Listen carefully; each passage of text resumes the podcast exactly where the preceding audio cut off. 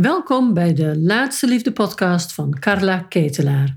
In iedere aflevering geef ik je mijn inzichten en adviezen over waarom het tot nu toe niet gelukt is en wat er nog nodig is, zodat jij ook jouw eindman of eindvrouw in je armen kunt sluiten voor die relatie die je zo graag wilt.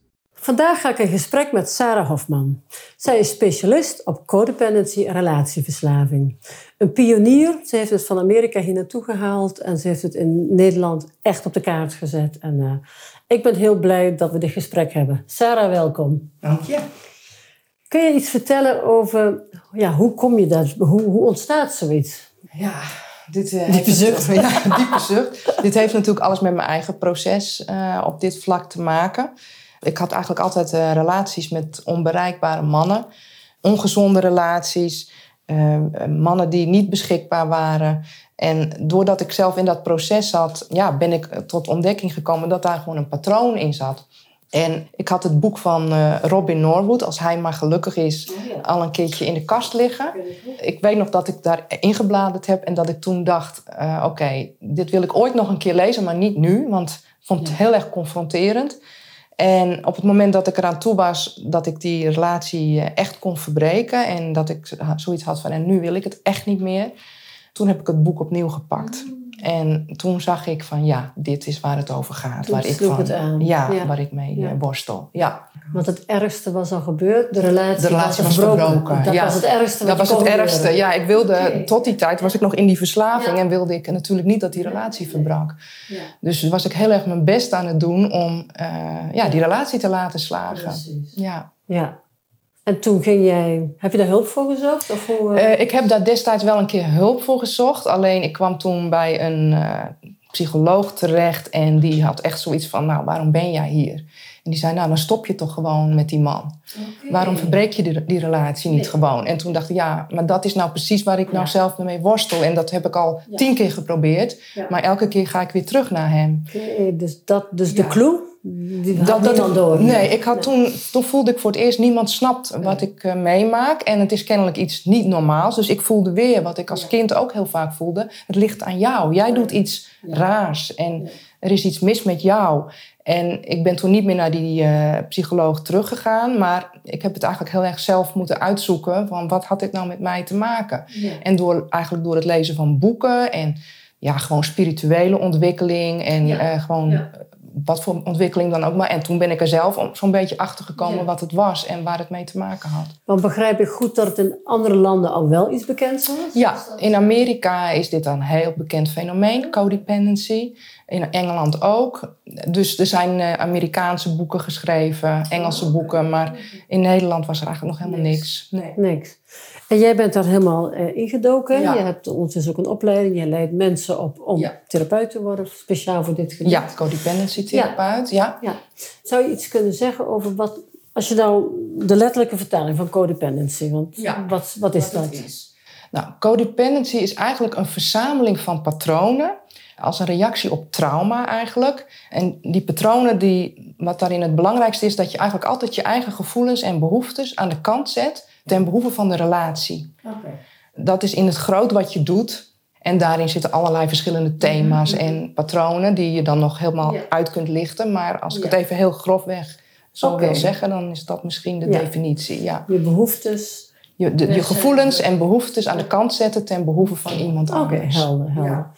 En relatieverslaving, hoe zou je En relatieverslaving is eigenlijk nog een stapje verder. Uh, dus het moet zo zijn dat je eerst codependent bent voordat je überhaupt relatieverslaving kan ontwikkelen. Okay. Eigenlijk is codependency sowieso iets wat altijd onder verslaving ligt. Dus of het nou een alcohol, een drugs of een ja. gokverslaving of een relatieverslaving is, je bent eigenlijk altijd codependent, waardoor je een verslaving kunt ontwikkelen. Okay. En dan zeg jij dus eigenlijk ook, onder codependency ligt altijd een trauma. Ja. Ja, ja. En, maar trauma klinkt groter. We ja. denken bij trauma altijd aan grote dingen. Ja. Uh, heel vaak gaat het op, bijvoorbeeld over hechtingstrauma. Meestal denk ik zelfs. Um, het kan natuurlijk ook wel over een eenmalig trauma gaan, zoals uh, een verkrachting meemaken of zo. Of gepest worden. Maar heel vaak zit het al in de hechtingspatronen van jongs af aan in het gezin van herkomst. En dan kan het bijvoorbeeld ook zijn dat het om emotionele verwaarlozing gaat. En heel vaak hebben we daar geen bewustzijn op. Nee. Omdat er iets is wat er niet is gebeurd, vinden wij het normaal. Ja. En denken we dat wij een goede jeugd hebben gehad. We weten niet wat we missen. We weten niet wat we Nee. missen. Dus dan is het ook moeilijk om te zeggen, ik heb trauma meegemaakt. En toch is het wel trauma. Ik spreek heel veel vrouwen, dan gaan we het over de jeugd hebben. Ze zeggen, nee, maar ik had een hele fijne jeugd. Ja, het was heel, heel warm bij Ja. ons. Ja. Maar als we dan doorpraten, dan was er toch heel weinig emotionele bevestiging. Ja. Is dat ook wat je bedoelt? Dat... Ja, ik denk dat het, een kind het nodig heeft om emotioneel inderdaad bevestigd te worden, maar ook begeleid te worden. We maken namelijk dingen mee als kind die heel overweldigend zijn. Ja. En dat is op zich niet erg als je daarin begeleid wordt en als je daarin getroost wordt of, of gewoon geholpen wordt van hé, wat moeilijk voor je en hoe, hoe kun je dat nou, ja, hoe kun je dat nou voortaan anders doen? Of, en dat er gewoon erkenning is voor jouw Ja. emotie. En helaas is het zo dat in heel veel gezinnen dat er niet is. Nee. En dat is dan niet hè, slecht bedoeld van die ouder, maar dat is omdat zij dat ook niet geleerd hebben. En, maar dat neemt niet weg dat het wel traumatisch kan zijn, omdat je dan dingen meemaakt en daar wordt niet goed op gereageerd. En dan is het nog een keer trauma. Dus dan heb je, ja, dan, is, dan, hè, dan maak je iets naars mee. En dan zegt, eh, bijvoorbeeld, ik heb dat zelf met pesten meegemaakt. Dan zei mijn vader, ja, dan zal je het wel zelf naar gemaakt hebben. Hè, dus dan is er geen troost, maar dan is er ook nog eens een oordeel, jij doet iets fout. Ja, dus het ligt altijd aan jezelf. Ja. En dan ga je dus op een gegeven moment geloven dat er iets mis is met jou. Ja. En dat neem je mee. En je Ja. denkt ook altijd dat je, als je maar goed je best doet, de dingen Ja, op kunt lossen. Precies. En dat neem je dus mee in al je relaties. Want ja, het ligt altijd aan jou. Als ik maar mijn best doe. Als jij maar je best Ja. doet. Ja. Ik noem dat ook wel de opgroeien in een emotioneel schrale omgeving. ja. Want dat is ook een trauma natuurlijk. Ja. Hè? Ehm, en dat is eigenlijk, als ik heel eerlijk ben, hebben eigenlijk heel veel mensen maken. Ik heb het zelf ook meegemaakt, Ja. maar wordt me steeds duidelijker hoeveel mensen in een emotioneel schrale omgeving opgroeien. En niet omdat de ouders niet willen, maar ik zeg altijd, een ouder heeft ook een eigen wond. Ja. Hij heeft ook iets niet Precies, meegekregen enzovoort. Ja, ja. En onze kinderen hebben vaak weer een wond, omdat we ook natuurlijk zelf Ja. ook zoekende zijn. Ja, en daar kan je niet altijd wat aan doen. Hè? Daarom, het gaat ook... Ik vind altijd, blijf uit die schuldvraag. Want Ja. dat is natuurlijk ook in eh, gezinnen waar het allemaal niet zo emotioneel gezond aan toe ging. Dan zijn we ook altijd zo geneigd om iemand de schuld te geven. Ja. En ik denk dat iedereen hier het slachtoffer van is. Hè? Dus eh, dat is gewoon heel Ja. vervelend. Maar dat neemt niet weg dat je wel boos mag zijn Ja. op je ouders. Ja. Als dat niet goed is gegaan. Want dat Ja. hoort ook bij het rouwproces. Ja, van dat er iets niet is geweest. Ja. Ja. Ja. Want ik zeg zelf altijd, maar ik weet niet hoe jij daar tegenover staat. Eh, als kind heb je recht op liefde hè, van je Ja. ouders, maar op een bepaald moment ben je volwassen. En dan is de wond die je hebt opgelopen jouw eigen verantwoordelijkheid. Ja, als je volwassen bent wel. Dan Ja. kun je het niet meer aan je ouders. Nee. Dan kun je nog een hele leven over je ouders Nee. blijven hebben. Maar, Maar soms is dat heel moeilijk als je nog heel erg in dat kindbewustzijn zit. En als dat trauma heel erg geraakt wordt, dan kan iemand dat eigenlijk niet horen. En dat is ook heel begrijpelijk, Ja. omdat dan nog niet voldoende, die wond nog niet geheeld is.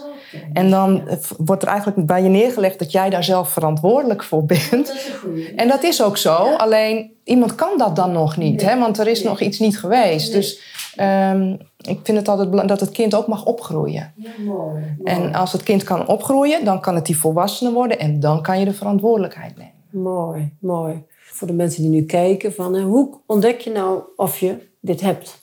Nou, vaak weet je dat zelf wel. Je voelt wel dat je niet echt gelukkig bent in die relatie of in relaties in het algemeen. En Je voelt dat er elke keer dat het gewoon hard werken is of dat je iedere keer teleurgesteld raakt of dat er veel verdriet en pijn is. Of dat je voortdurend heel erg hard je best aan het doen bent. Of dat je bepaalde patronen hebt waardoor je eigenlijk niet echt kan ontspannen kan zijn. En ja, zolang je eigenlijk niet ontspannen kan zijn in je relatie, Ja. dan kun je je al afvragen of er al niet één van die patronen Ja. eh, aan de hand is.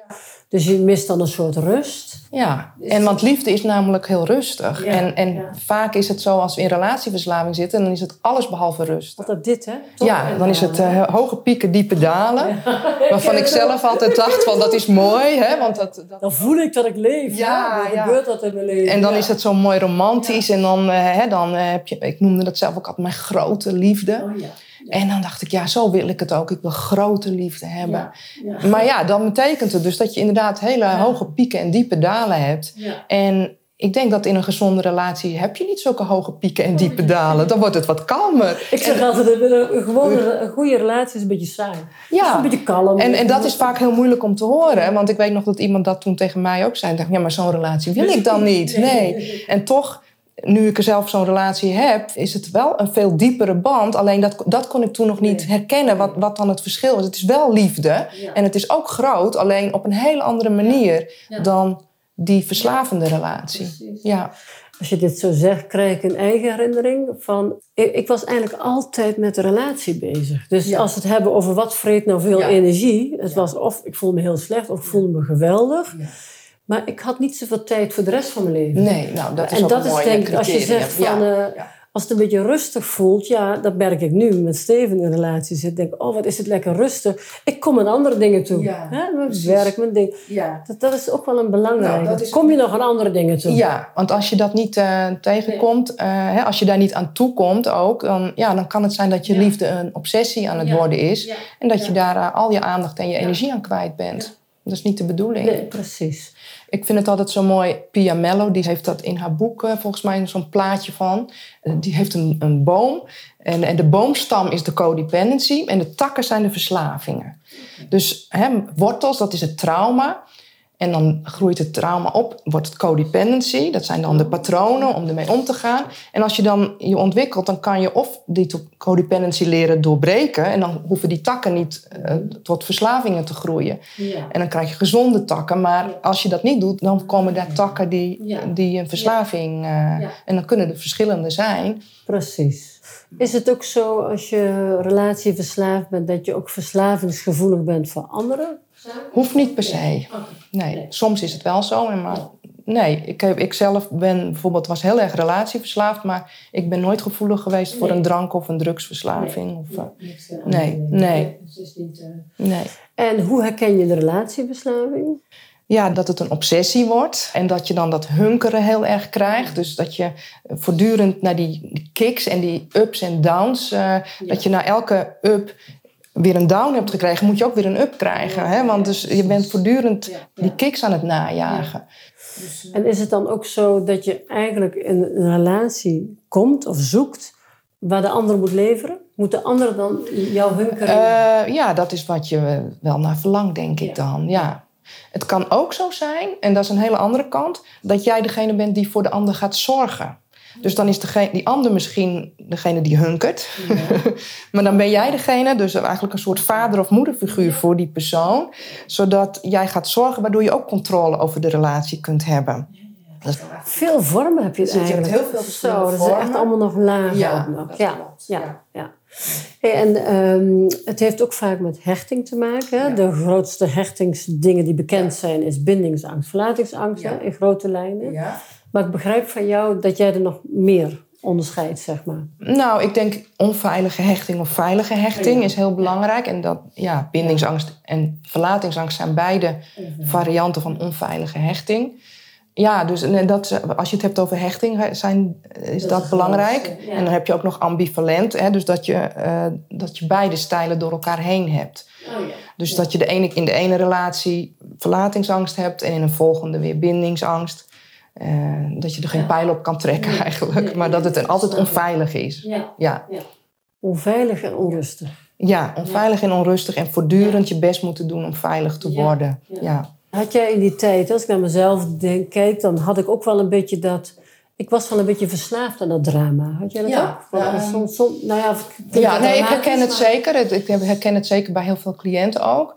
Ik weet niet of ik verslaafd aan het drama was. Ik was echt verslaafd aan de kicks van de nabijheid. Oh. Als die er, hè, dat, een getrouwde man die natuurlijk af en toe maar bij je kon zijn. En ik leefde echt van ene moment naar het andere moment. En die momenten waren dan altijd geweldig en echt, het voelde ook als extase. En daar was ik verslaafd aan. Oké, aan die toppen. Aan die toppen. En, uh, maar dat is een, iemand anders kan verslaafd zijn aan het drama. He, dus als jij vooral ik gewend bent. zware ja, dus dat je het fijn vindt dat er van alles gebeurt. Ja, dan is dat je verslaving misschien. Ja. Dat kan dus ook heel wisselend zijn. Ja hey, en als, we nu, als je hier nu naar kijkt en je denkt, goh, ik, eh, dit heb ik echt. Wat, wat, Hoe, op welke manier heel je dit? Ja, het valt Ja. niet in, in een één klap. Nee, uit het is niet hè. eh, Het is een proces. Het is een proces en het kan echt eh, wel jaren duren. Soms kan het korter en soms langer. Maar eh, hoe dan ook is het een proces. Waar het vooral om gaat, is dat je leert om eerst ja, jezelf toch wat meer lief te hebben. Dus dat je je minderwaardigheid of je, je trauma, wat het dan ook maar is, dat je dat heelt. En dat je leert wat meer liever voor jezelf te zijn. Want als jij wat liever voor jezelf bent, ben je ook niet zo afhankelijk van die ander de zelfzorg. zelfzorg, maar ook echt zelfliefde en zelfwaardering. Dat is wat anders dan zelfvertrouwen. Dus echt voelen dat jij gewoon echt oké bent met alles wat je voelt en denkt. En vaak zijn we daar enorm op afgewezen. Ja. Dus als je heel emotioneel bent en er wordt in jouw gezin altijd gezegd van... bedoel je toch altijd moeilijk of jij Ja. maakt er ook altijd zo'n probleem van... dan is het heel moeilijk om daar lief voor jezelf in te zijn. En toch is het waar dat alles wat jij voelt gewoon oké is. Ja. Alleen hoe je er dan vervolgens mee omgaat is misschien iets waar je in zou kunnen leren. Maar het gevoel is altijd oké. Ja. ja, en daar gaan we natuurlijk heel vaak aan voorbij. Daar gaan we natuurlijk Dat aan is ons voorbij. geleerd want dat, is, dat doen we ook met onszelf. dat doen we dan eigenlijk weer hetzelfde. Wat onze ouders met ons deden, doen we dan ook weer naar onszelf. Dat is ook het verdrietige. En dat is ook wat er geheeld moet worden. Ja. Ja. Dat je dus leert van, ja, maar wat ik niet gekregen heb van mijn ouders, dat mag ik dus echt aan mezelf gaan geven. En dat is natuurlijk moeilijk. Ja. Want het is ook vaak eh, heel oneerlijk dat je dat dan aan jezelf moet geven. hè? Ja, want we, hadden, we hebben, hadden er toch Ja, recht op. Hè? We hadden het toch moeten krijgen, ja. En dat hadden ze ook. Hè? En dat is ook zo. Alleen, ja, je kan daarin blijven zitten, maar dan je zult het niet meer krijgen. Dus dat is zo. je kan maar. gebeurd. Nee. Dus dan, Ja, ik denk dat dan het verdriet daarover van Ja. belang is. En vervolgens, en wat kan ik nu doen? ja, dus je zegt eigenlijk het gaat over bewust worden. Ja.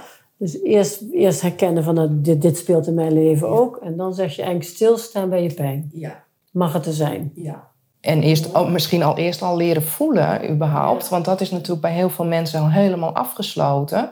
Als we trauma hebben meegemaakt, gaan we uit ons lichaam.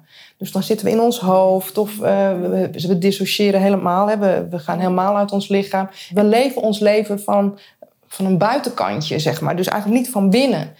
En soms is het weg terug naar je lichaam al een hele moeilijke. Van ja, maar wat voel ik eigenlijk Ja. in mijn lichaam? Hè? Dat, eh, dat kan je wel bedenken, maar dat is wat anders dan het voelen. Ja.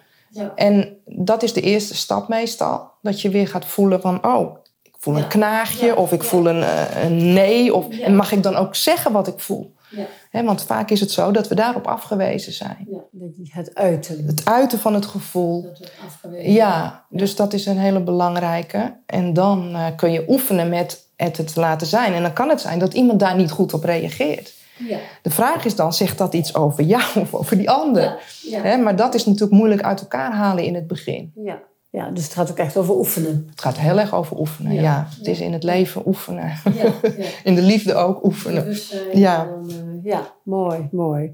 Wat, wat bij het hele ook heel belangrijk is, is dat je jezelf echt op prioriteit nummer één gaat zetten. En dat is heel moeilijk in het begin, maar ik weet nog dat, dat mij dat, dat- volgens mij stond het toen ook in het boek van Robin Norwood. Ik weet nog dat dat mijn houvast een beetje was. Dus als hij met je wil afspreken en dat je wel denkt, oh dat wil ik, maar ik heb al een afspraak Ja, met een ja. vriendin staan bijvoorbeeld. Vroeger zou ik dat dan afgezegd hebben, want ik denk dit is een momentje dat ik met hem kan zijn. Ja. En ik ben toen begonnen met, nee, het komt me nu niet uit. Oh, ja, ja, die is goed. En dat vond ik heel moeilijk, en, maar wel heel helpend, want dat hielp. Want daardoor ging hij zich wat meer naar mij toe aanpassen, want hij, wilde mij natuurlijk ook zien. Dus en toen dacht ik, oh kijk, nou voelt het al wat gelijkwaardiger. Oh, maar dit is, een dit is zo mooi. stukje. Dit kom ik heel vaak tegen. Dat vrouwen zich dus heel erg aanpassen aan de wens van de ander. Van eh, de eigen agenda schoonvegen. Geen afspraken maken, want hij kan bellen. Ja, eigenlijk kan je zo ook heel kort door de bocht zeggen, je doorbreekt je codependency op het moment dat jij nummer één bent. En dat de ander de tweede is. Dus eh, als jij, of je innerlijke kind of wat dan ook, als dat op nummer één komt te staan, dan ben je eigenlijk al naar een gezonde relatie aan het gaan. Ja. Want je, je maakt het gelijkwaardiger. Ja. hè? Want, Ja. Oké, dat begrijp ik. Want in feite, Ja. hè, ik hoor je over het, dat kind praten, het Ja. innerlijke kind. Ja, Dan- daar hebben we het nog niet over gehad. Ja, kun, kun je er nog wat Ja. meer over zeggen? Want Ja. dat is wel... Kijk, we hebben- hadden het net al over trauma hè, en over wat je in je jeugd hebt meegemaakt. Dus heel vaak is het zo dat we hebben nog steeds dat kind in ons. En dat kind in ons is degene die zich in de relatie ook manifesteert. En die zoekt zo naar bevestiging, erkenning of uh, hunkert naar aandacht of liefde. Dus dat is ons innerlijke kind waarmee we de verbinding maken met de ander. Ja, ja. En dat maakt het ook heel vaak ongelijkwaardig. Want daarmee ben jij in een kindstuk. En als de ander dan in een ouderstuk gaat zitten, want eigenlijk vraag je dat dan een beetje, uh, wordt de relatie ongelijkwaardig. En het kan ook andersom zo zijn. Dus dat jij in de hele tijd het ouderstuk uitleeft, maar dat de ander in het kindstuk zit. En dan is het ook ongelijkwaardig. En dan ben je dus voortdurend bezig met die ander in plaats van met jezelf. Ja, helder. Dus ja, en het innerlijke kind, en daarom uh, is dat belangrijk dat je leert erkennen en ook zien en voelen wanneer jouw innerlijke kind actief is. Ja. En uh, ja, in mijn therapie maak ik daar dus heel veel gebruik van, innerlijke kindtherapie. Dat je het niet alleen leert kennen, maar ook dat je een relatie met je kind krijgt. Ja. Dus dat jij degene bent die naar haar gaat luisteren of Dat naar hem gaat Dat luisteren. je jouw volwassene... Ja, jouw, jouw volwassen De stuk gaat... ja. ouder. Ja. En die kan dan de liefdevolle ouder worden, zodat de partner dat niet hoeft te doen. Precies. Dus je neemt...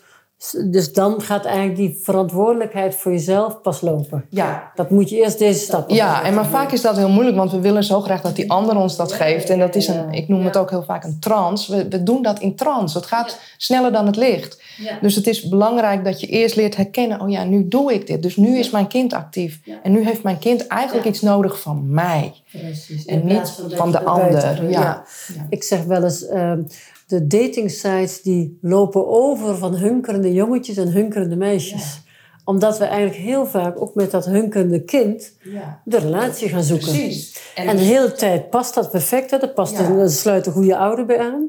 Maar als een van de twee wil veranderen of groeit, Ja. dan gaat dat frikken. Hè? Ja, Dan- dan gaat- maar het kan ook al vanaf het begin niet lekker lopen, omdat Ja. voortdurend dat al stress en Ja. eh, onrust oplevert. Dus ja, dat is, eh, het is belangrijk om je daarvan bewust te zijn met wie trek jij relaties aan. En ook van wie is dan het lijstje van waar een ander aan moet voldoen. Ja. Is dat Ja. van je kind of is dat Ja. van je volwassene? Ja.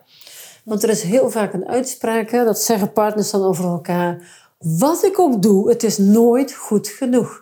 Dan zou je dan ook kunnen zeggen dat dat hunkerende kind ook een bodemloze put is? Nou, dat zou ik niet zo bot willen zeggen. Het kan zijn dat ze heel erg zijn afgewezen op wat ze willen. En dat ze dus de ervaring hebben gekregen dat wat ze krijgen niet goed genoeg is. Dus, eh, Ja, ja, ja, dat je dat ook weer van Ja. de ander gaat Het is een herhaling wat ze als kind hebben meegemaakt. Dus als het nooit goed genoeg was, dan voelt dat zo. Of als het juist eh, nou ja, iets anders was. Ik, ik weet even nu niet een goed voorbeeld. Maar Nou, ik bedoel dat de ene partner over de andere zegt... wat ik ook geef, het Ja. is niet goed genoeg. nee. Maar toch is het dan van die partner die dat zegt een oud patroon. Oh, Oké, Ja. helder, Ja. Ja. Want het is altijd van jezelf namelijk. Ja. ja. Ik ken zelf toch ook dat ik met mijn hunkering in een relatie Ja. heb gezeten. Ja. Mijn partner deed het nooit goed. Nee. Want ik bleef die hunkering houden. Ik had er nog niet door dat ik het bij mezelf Nee, precies. Dus dan is het van jou. Het kan ook zijn dat het wel zo is dat iemand heel veel geeft en echt de, op de normale manier. En dat het dan ook nooit goed Nee, genoeg nee, is. dan is het het thema van de ander. Dan is het Ja. een thema van de ander, ja. Dus dat is Ja. natuurlijk wel goed eh, realistisch naar te kijken. Ja. Precies, precies. En dat is best moeilijk natuurlijk, ja. Nou, ik heb eh, bijvoorbeeld ook iemand die ik goed ken en die zit in dezelfde situatie. Die is niet gelukkig in de relatie, maar kan het maar niet verbreken. Een beetje jouw verhaal toen jij jonger was. Wat doe je nu met zo iemand? Wat is dan de weg? Ja, nou ik denk dat het belangrijk is om eerst te verkennen wat maakt dat je het niet kunt verbreken. Wat zit daarachter? Is dat angst? Eh, angst om Ze is bang om alleen te blijven. om alleen te Ja. zijn. Dus dan gaat het om eh, hè, misschien eerst de angst om alleen te zijn, of gaat het om de eenzaamheid. Dus Ja. er zit ook nog weer heel veel gradaties in. Dus het kan zijn dat je er alleen maar bang voor bent en dat het in het echt eigenlijk helemaal niet zo pijnlijk is. Ja. Of het is juist heel erg pijnlijk omdat je dat al een keer heel erg op die manier hebt meegemaakt en dat dat je trauma is. Ja, ja, ja. Dus bijvoorbeeld, je bent heel erg verlaten als kind. Je hebt eh, in je wiegje gelegen, huilend, en er kwam niemand. Bijvoorbeeld, hè, wat voor een baby overweldigend is. Eh, of een, je hebt een ouder gehad die heel erg getraumatiseerd is... en die gewoon niet eh, op Ja. een afstemmende manier contact met jou kan maken... dan kan je heel erg bang zijn voor die eenzaamheid. Ja. En dan is die eenzaamheid ook echt gebeurd. Dus dan gaat het erom dat je weer contact maakt met dat oude trauma. En dat is natuurlijk niet fijn. Nee, maar dat is daarom zo belangrijk om dat in therapie op een hele veilige manier te doen. Uh, te voelen wat je dan als baby bijvoorbeeld of als klein kind hebt ervaren. En te voelen dat je dat nu als volwassene wel kunt dragen. Maar als kind niet. Nee. Nee. En als ik jou zo hoor, zeg jij ook eigenlijk, dat is de enige weg dat gevoel weer via. Nou ja, de enige weg wil ik ook niet zeggen, maar het is in ieder geval een belangrijke weg. En uh, het kan natuurlijk ook best zijn dat je zelf een keer ineens in dat gevoel terechtkomt. Dat je daar prima doorheen kunt gaan. Nee, ik bedoel niet uh, de enige weg therapie. Nee, nee, nee, ik bedoel voor, voor jou is de enige weg wel naar dat gevoel terug. ja, ik denk het wel. Nee, ik denk dat als je eraan voorbij wilt gaan, dan blijf je er ook altijd aan voorbij gaan. Dan blijf je er omheen lopen. Dat is wat ik ja, en dan blijf je toch uh, oppervlakkige relaties houden. Want dan moet het altijd overleven zijn en niet echt voelen. Want als je echt wil voelen, moet alles gevoeld worden. Ja. ook de pijn, ja. Maar ook de mooie dingen. Hè? Dus, uh, zeg je daarmee dan ook dat als je dit doorwerkt, dat je relaties in de toekomst dan rustiger, maar ook verdiepender zijn? Heb je, ja, dat is, het, ja? dat is wel mijn ervaring, ja. ja. ja. want je kan veel meer vanuit werkelijke intimiteit verbinding maken. Niet vanuit dat plaatje van hoe intimiteit is, zeg maar.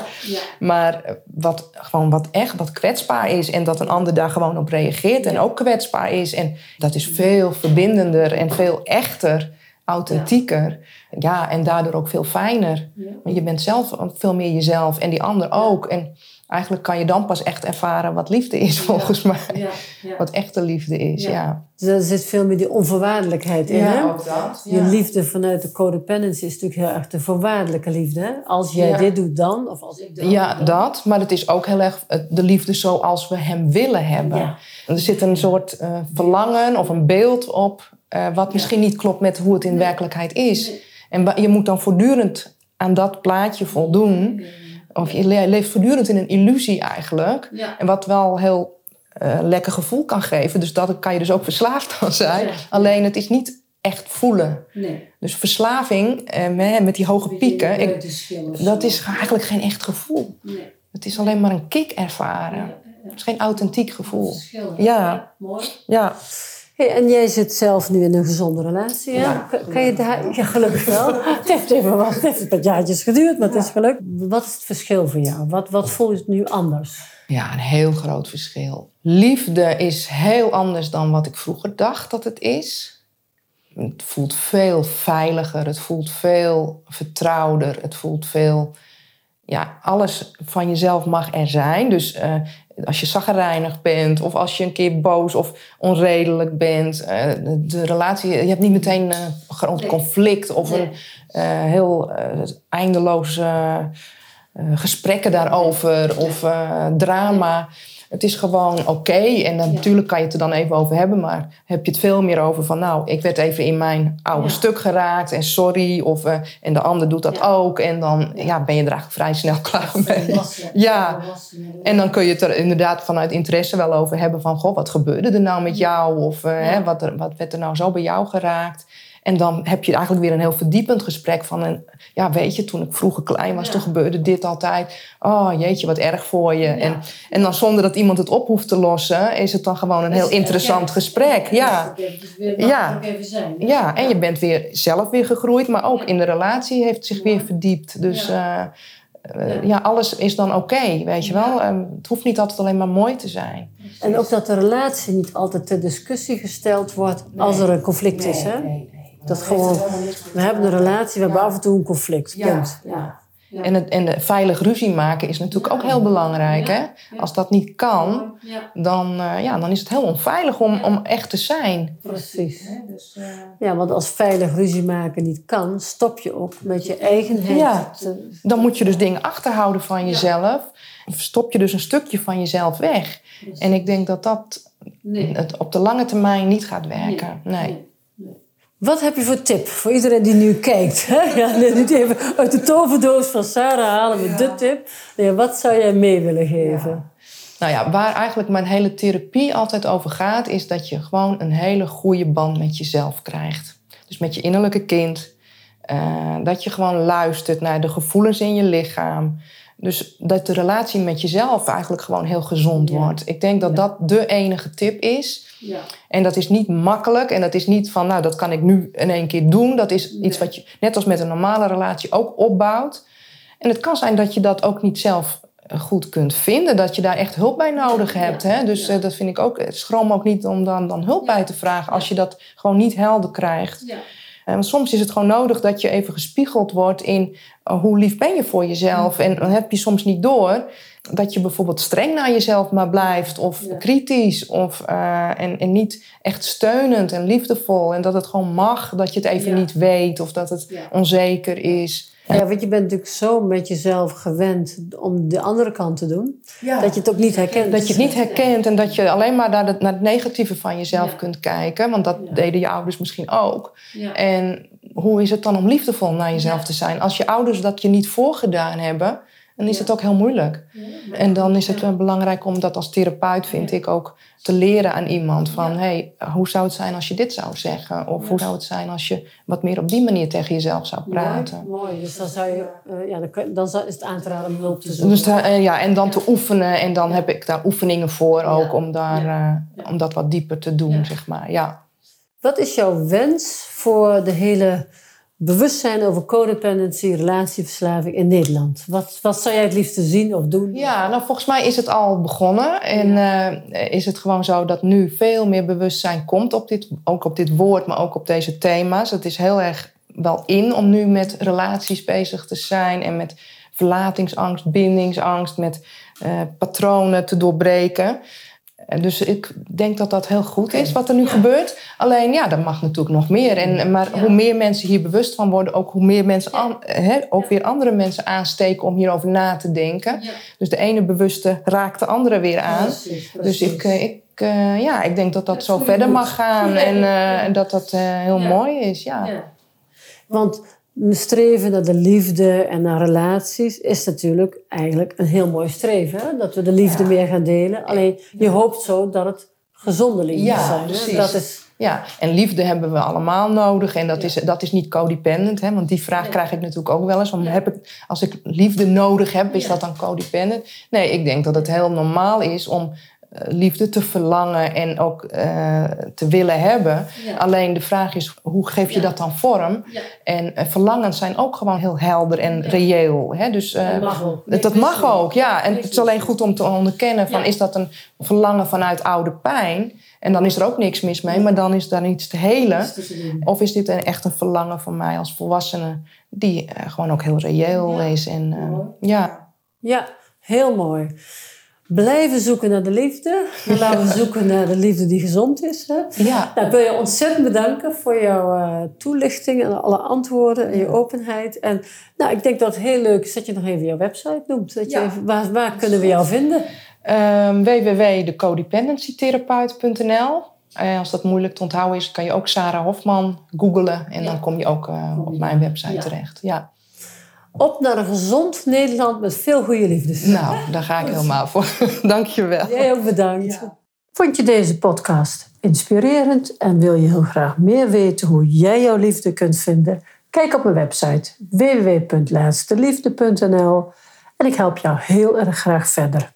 Heb je een vraag die je graag beantwoord wil hebben in deze podcast? Stuur me een mailtje info.laatsteliefde.nl De liefde bestaat wel ook voor jou.